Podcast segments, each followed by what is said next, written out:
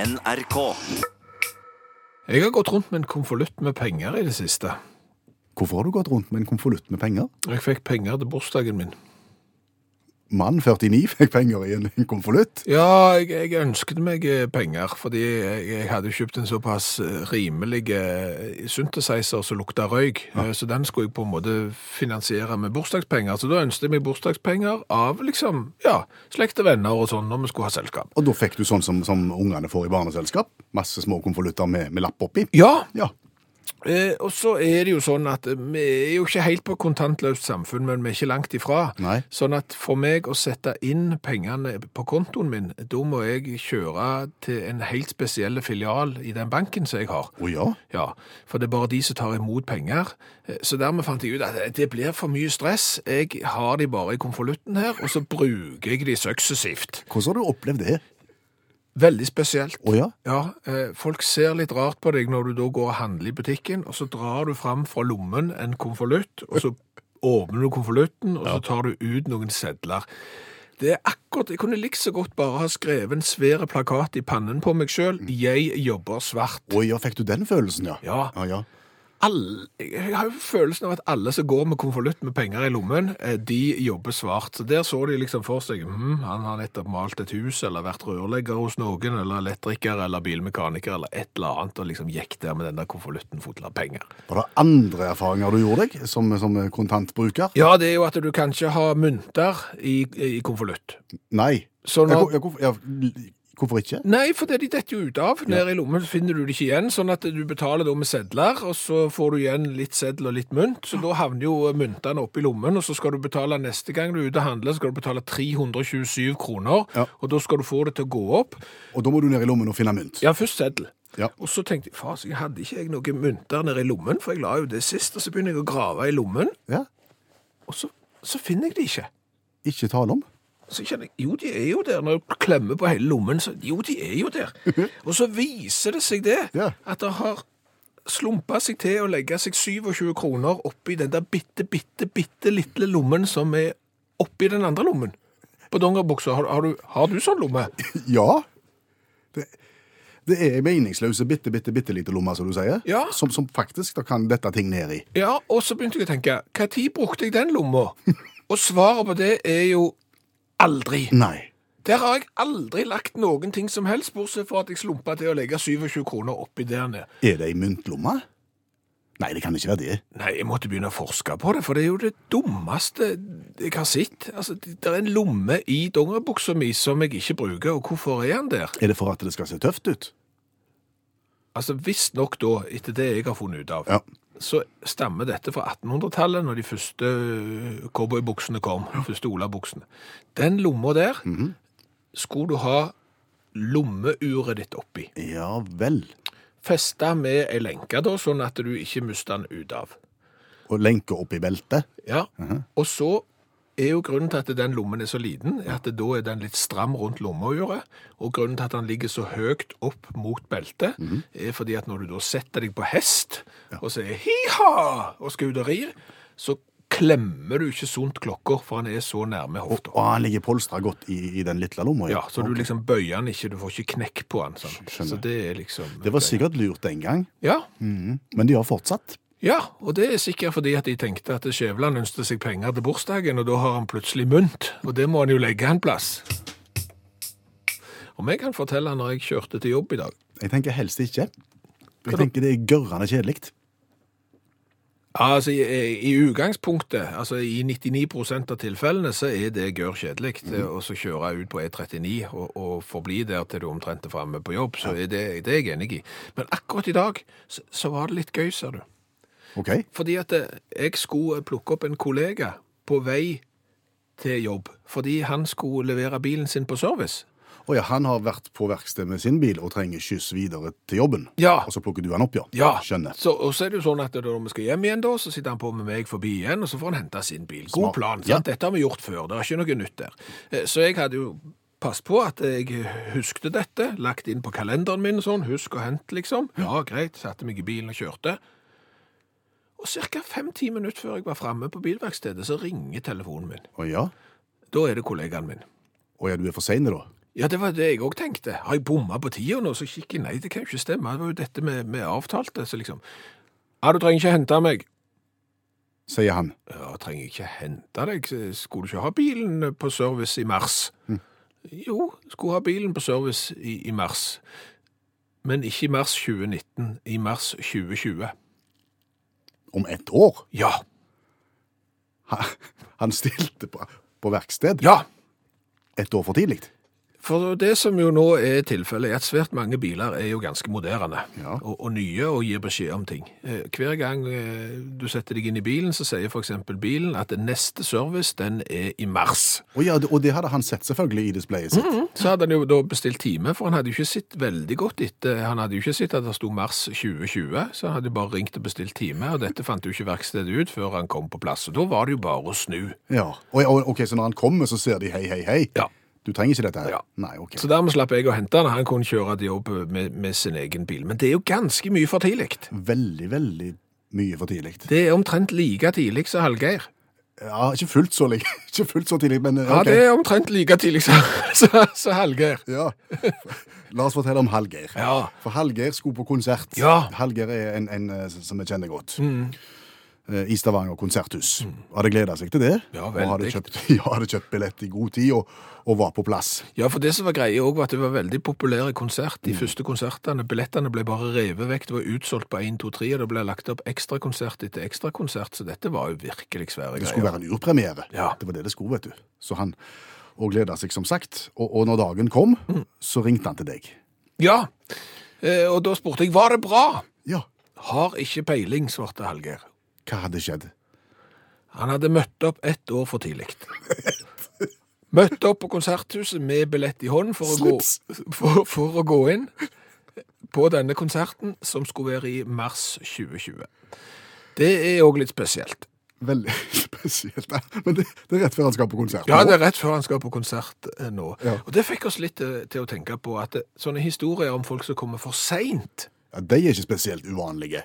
Det er sånn, sitter du i et festlig lag, så er det en som forteller om, å herre, men når jeg skulle ut og reise, vet du, så ringte ikke vekkerklokka, og jeg sprang ut i underbuksa i taxien og satt og kledde meg i bilen, og nå, det er akkurat de der historiene har du hørt. Men de som har kommet kjempe, kjempe, kjempe for tidlig. Ja, hva er norsk rekord i for tidlig, for eksempel, og hva Ja, altså, er så må det- bakgrunnen for å komme for tidlig? For å si det sånn, Hallgeir og Rolf er jo i en bra klasse, det er det vi har snakket om nå. Ja, ett år. Ja. Ja. Men slår du den? Ja, eller har du vært for tidlig av en annen årsak, som er ganske gøy. Hvis du har lyst til å dele din historie, så har vi oppretta en egen eh, fane på Facebook, eh, Mm. der du kan følge den, eller så sender du en SMS til 1987 og start meldingen med utakt. Jeg tenker, det var et fantastisk ski-VM med, med alle gullene til Norge. Men så sier de jo det da at eh, når et la- land vinner så mye, så kan det ødelegge interessen rundt omkring i verden for den idretten. Tror du det er sånn? Ja, det tror jeg, og når det framstår som eh, NM i langrenn i Seefeld, så er det klart at det er gjerne ikke så mange andre nasjoner som er interesserte, men nå har jo ikke vi greie på, på dette. Nei. Spørsmålet er om det fins på en måte parallelle historier opp gjennom eh, idrettshistorien som kan si noe om denne effekten her. Eh, og Allmennlærer med to vekttall i musikk, Olav Hove, er jo mannen som kan svare på sånt. Ja, Olav, og du har jo dratt til Oslo utelukkende for å fordype deg i dette emnet om at en nasjonal dominans innenfor én idrettsgrein kanskje betyr noe. Ja, for det er litt utfordrende. skjønner du. For å kunne si noe om det, da, så må vi jo se på idretter som er omtrent like store som langrenn, og se hva, hvordan totaldominans har preget de idrettene. Og da tenker du f.eks. på Hva Da tenker jeg f.eks. på botaoshi. er det for noe? Det er, det er en sånn japansk idrett der du skal forsvare en påle. Du har en tre meter høy påle, og oppå den sitter det en mann. da. Og så har du 75 i forsvar og 75 i angrep. Så skal noen motstanderlaget prøve å velte pålen, og så skal det- laget ditt, for eksempel, hvis du spiller botaoshi, skal det forsvare denne pålen. Ehm, veldig populært i Japan. Eh, og har sprer seg litt utover i verden, har gjort det det siste òg. Eh, og bl.a. i Richmond i Virginia i USA har de egen liga. Det betyr at det er seks lag bare i den byen, i Botaoshi. Men denne idretten er så totalt dominert av Japan da, at japanerne ikke gidder enda å være med på landskamper fordi at de vinner så lett. Men, og det er interessant, Amerikanske medier, tyske medier, skriver stadig oftere om denne idretten, og den er i vekst. Så det betyr ikke at selv om et land dominerer, så betyr ikke det at, at eh, han ikke kommer til å vokse enda mer. Men det er klart det er jo ganske spektakulært det du nå beskriver om en mann på en tre meter høy påle. Det er gjerne ikke så spektakulært eh, med Martin Onsuru Sundby og de andre som går i trange trikot. Helt rett. og Da kan vi gå til en annen idrett som, eh, som, hvis vi, som ikke har så mange medlemmer, men som det blir utøvd i like mange land som langrenn, da, sånn ca. 60 land. og Da kommer vi til idretten papprørfekting.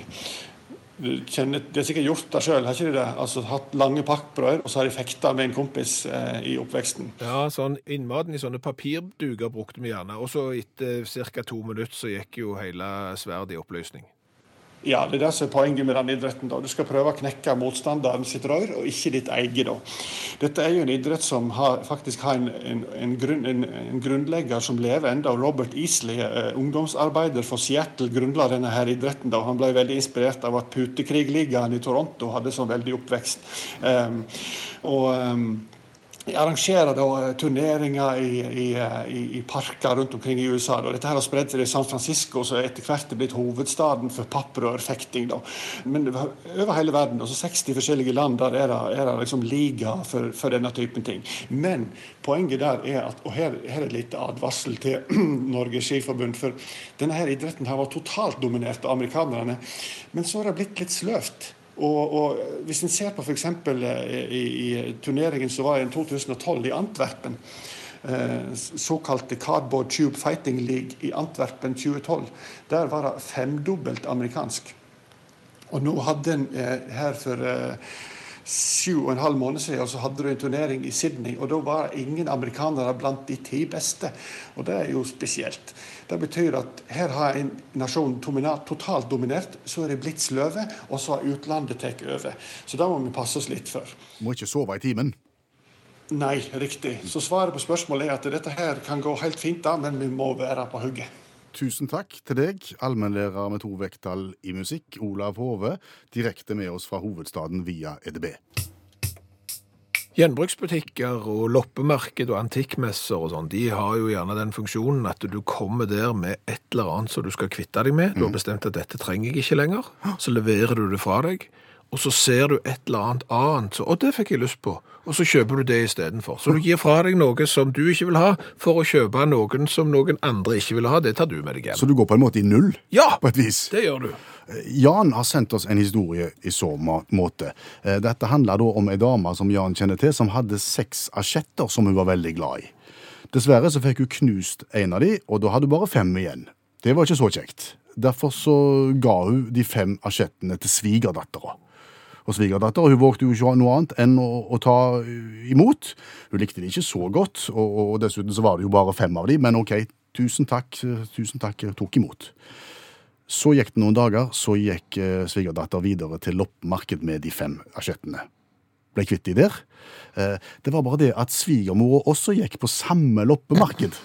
Og fikk øye på asjettene.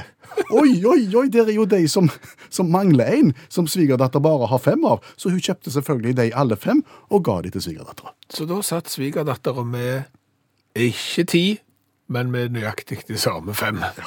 Det er mye som kan skje på sånne loppemarked og antikkmesser og rundt omkring.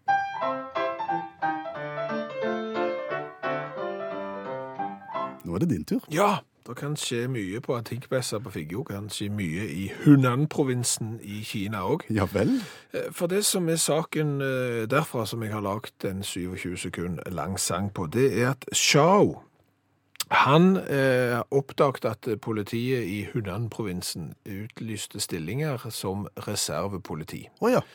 Jeg er litt usikker på hvordan det, det Reservepoliti det er jo forskjellig i forskjellige land. Altså, du er tilkalling hvis de trenger noe, du er enten frivillig, det er lønna hos noen. Jeg vet ikke hvordan det er i Kina, men han så iallfall stillingsannonsen om å melde seg som eh, reservepoliti. Han var interessert. Ja! Det han ikke tenkte på, det er jo at jeg er jo etterlyst for, eh, for noe jeg har gjort. Og Jeg det, skulle jo egentlig ha sittet inne, jeg, ja. det er en banditt. Ja! Banditten hadde lyst på jobb som politi. Kan du tenke, hva, hva er det de har tenkt? Jeg, jeg møtte han på intervju. Ja, det var jo det han gjorde. Han møtte jo opp på intervju, og, og det er klart at eh, når politiet gikk gjennom søkerbunken, så så de jo at eh, Eh, Han eh, Chuang han eh, skulle jo ha vært inne allikevel. Så de kalte han jo da inn til jobbintervju, liksom. Inn på det rommet der de har jobbintervju og sånn, og så tok de han. Han rakk ikke å ta CV-en sin engang. Nei, han, eh, han fikk ikke presentert CV-en sin og hvorfor absolutt han burde få lov å bli reservepoliti. Så da burde han inne istedenfor.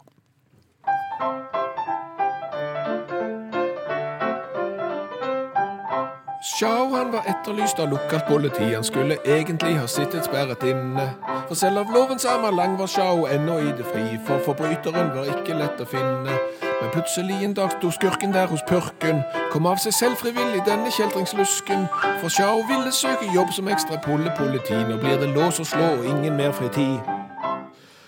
Eh, Altfor tidlig ankomst har, har vært et tema i programmet i dag. Ja, for det er vanlig å høre historier om når folk har kommet for seint. Gjerne ikke så vanlig å høre om når de kom for tidlig. Nei, dette begynte jo med din historie og og kollegaen vår i dag, som vi møtte eh, på service med bilen ett år for tidlig. Mm. ja. Den bilen skal ikke ha service hvert år, han skal ha service annet hvert år. Ah. Og i bakkant av det så er det mange som har meldt oss om for tidlige ankomster. Runar har vært for tidlige. Yes, Han skulle på forelesning på universitetet og eh, tenkte etter en stund at eh, dette er jo ikke mitt fag. Nei. Innså jo da at eh, hans fag eh, starta klokka 14 og ikke klokka 12. To timer for tidlig, det er ikke mye. Eh, ja, Rett etterpå så innså han at det var klokka 14 dagen etterpå. Ja, da er det litt lenger å vente. Eh, Kjell Tore han reiste fire timer med bil, for så å ta ferja til Bergen. Ankom Bergen i god tid, én time og åtte dager før tida. Eh, måtte da rusle rundt i Bergen i noen timer for å late som om han var på det møtet som han skulle ha vært på, og så var det fire timer og en båttur tilbake igjen. Jarle eh, skulle på tur med kona til Gdansk. Møtte opp på flyplass, selvfølgelig, men eh, ser på tavla. Var løye. Ingen flyavgang til Gdansk. Ser da på billetten og oppdager at avgangen er om ett år. Ja, Eh, Da ble Jarle sint og tok første fly sammen med kona til Oslo. Ja, ja, like så greit. Men det er mange som har gått i den der fella med å se ett år feil. Kristine gjorde det samme når hun skulle på standup-show i Trondheim. Hadde kjøpt billett til Michael McIntyre-show. Kjøpte de høsten 2017 og ga de bort i julegave da, julen 2017, og trodde at de skulle på show i februar 2018. Og da dagen kom, og de hadde bestilt bord på restaurant og gleda seg veldig, så kommer du fram til Trondheim Spektrum og syns at det er litt rart at det skal være show der, for der er det jo full oppussing. Så viser det seg jo da at showet det er februar 2019. Oi. Eh, Så venter du og venter du til februar 2019, og så finner du jo å bestille bord og ta fri fra jobb og gjøre alt det der en gang til. Så kommer jo da meldingen om at Michael McIntyre er syk, og at showet er utsatt til 30. november 2019. Det baller på seg, Ja, da. ja. Fordelen med det er jo at eh, vi som eh, ikke kunne gå i februar, nå kan gå i november på det showet.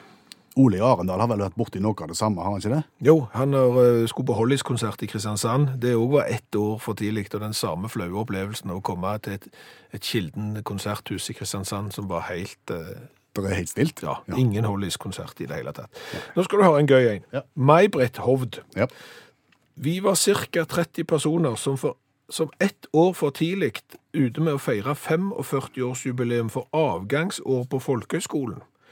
Og det at de var ett år for tidlig til jubileet, det var det ingen som merkte før ved frokosten på hotellet dagen etter festen. 30 stykker. Det ble da, førte da til at det ble feiring i år igjen. Ja. Da var det det forektige 45-årsjubileum. Så Ok. det, det passer jo eh, veldig bra. Og så spurte vi har du noen gang kommet alt altfor tidlig. Og det er vel naivt å tro at ingen tolker den se- setningen feil, og tenker hvorfor. Ah, Det er jo mulig. Ja. Det er jo det. I 1990 kom jeg altfor tidlig. Det medførte bidrag i 18 år.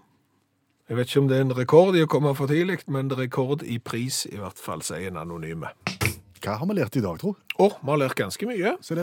Vi har blant annet lært at det er stigmatiserende å gå og handle med penger i konvolutt. Ja, det har du gjort nå i ukevis. Ja, jeg har hatt eh, bursdag, så fikk jeg eh, penger til bursdagen av mange, og så har jeg hatt det i en konvolutt, og så har jeg gått og handla med dem, og hver eneste gang jeg drar fram konvolutten i en butikk, så bare føler jeg at jeg signaliserer at denne mannen driver med svart arbeid.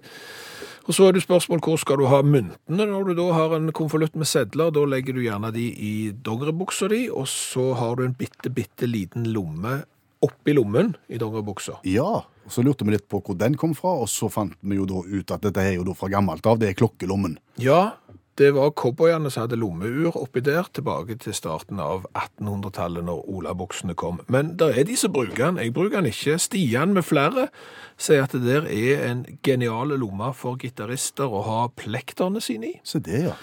Så da har vi lært det. Ola sier at eh, det må ha den der eh, lommen der, for det er der han plasserer mynt til handlevogner Ja, ja, ok. og tannpirkere. tann. Det kan stikke. Jeg har aldri gått med tannpirker i lommen, men det er greit. Ola gjør det. Astrid, hun eh, sier OK. Hva er det nå? Ja, ja, det, nå kommer det en vovet en. Så dere, av- men det er Astrid som sier det. Denne lommen er til å ha donger i. Jaha, Derav navnet dongeribukse. selvfølgelig. Ja, måtte komme. Så har jeg jo lært det at hvis du er etterlyst av politiet, så ikke søk jobb i politiet, og møt på jobbintervju hvis du vil unngå å bli tatt. Nei, for den, han kameraten som du sang i, om i revyvisa i dag, Ja. han gjorde det. Ja, han søkte på jobb som eh, sånn sivilt politi. eh, og så var- Samtidig som han var etterlyst. Ja, og dermed var det jo det var som sjølplukk. Altså, det er som å gå på en jordbærroger og bare ta de. Det der er helt greit. Eh, Så har vi fått kritikk fra Erling i Bergen. Hva er det Erling sier? Vi snakket jo med allmennlærer Olav Hove i dag. Ja. Han var i Oslo. Dermed måtte vi snakke med han på ei sånn ei linje. Ja, Og så sier du det. Vi har snakket med allmennlærer Olav Hove på EDB-linja. ja, ja. Allmennlærer Olav Hove han er nynorskbruker. Sant. Dermed så skal vi ikke bruke EDB-linja når vi snakker om allmennlæreren. Vi skal ifølge Erling si EDH-linja. EDH, Ja. Elektronisk datahandsaming. selvfølgelig. Ja. Da har vi lært det òg. Da har vi lært det. Ikke si du ikke lærer noe. Nei. Hør flere podkaster på nrk.no podkast.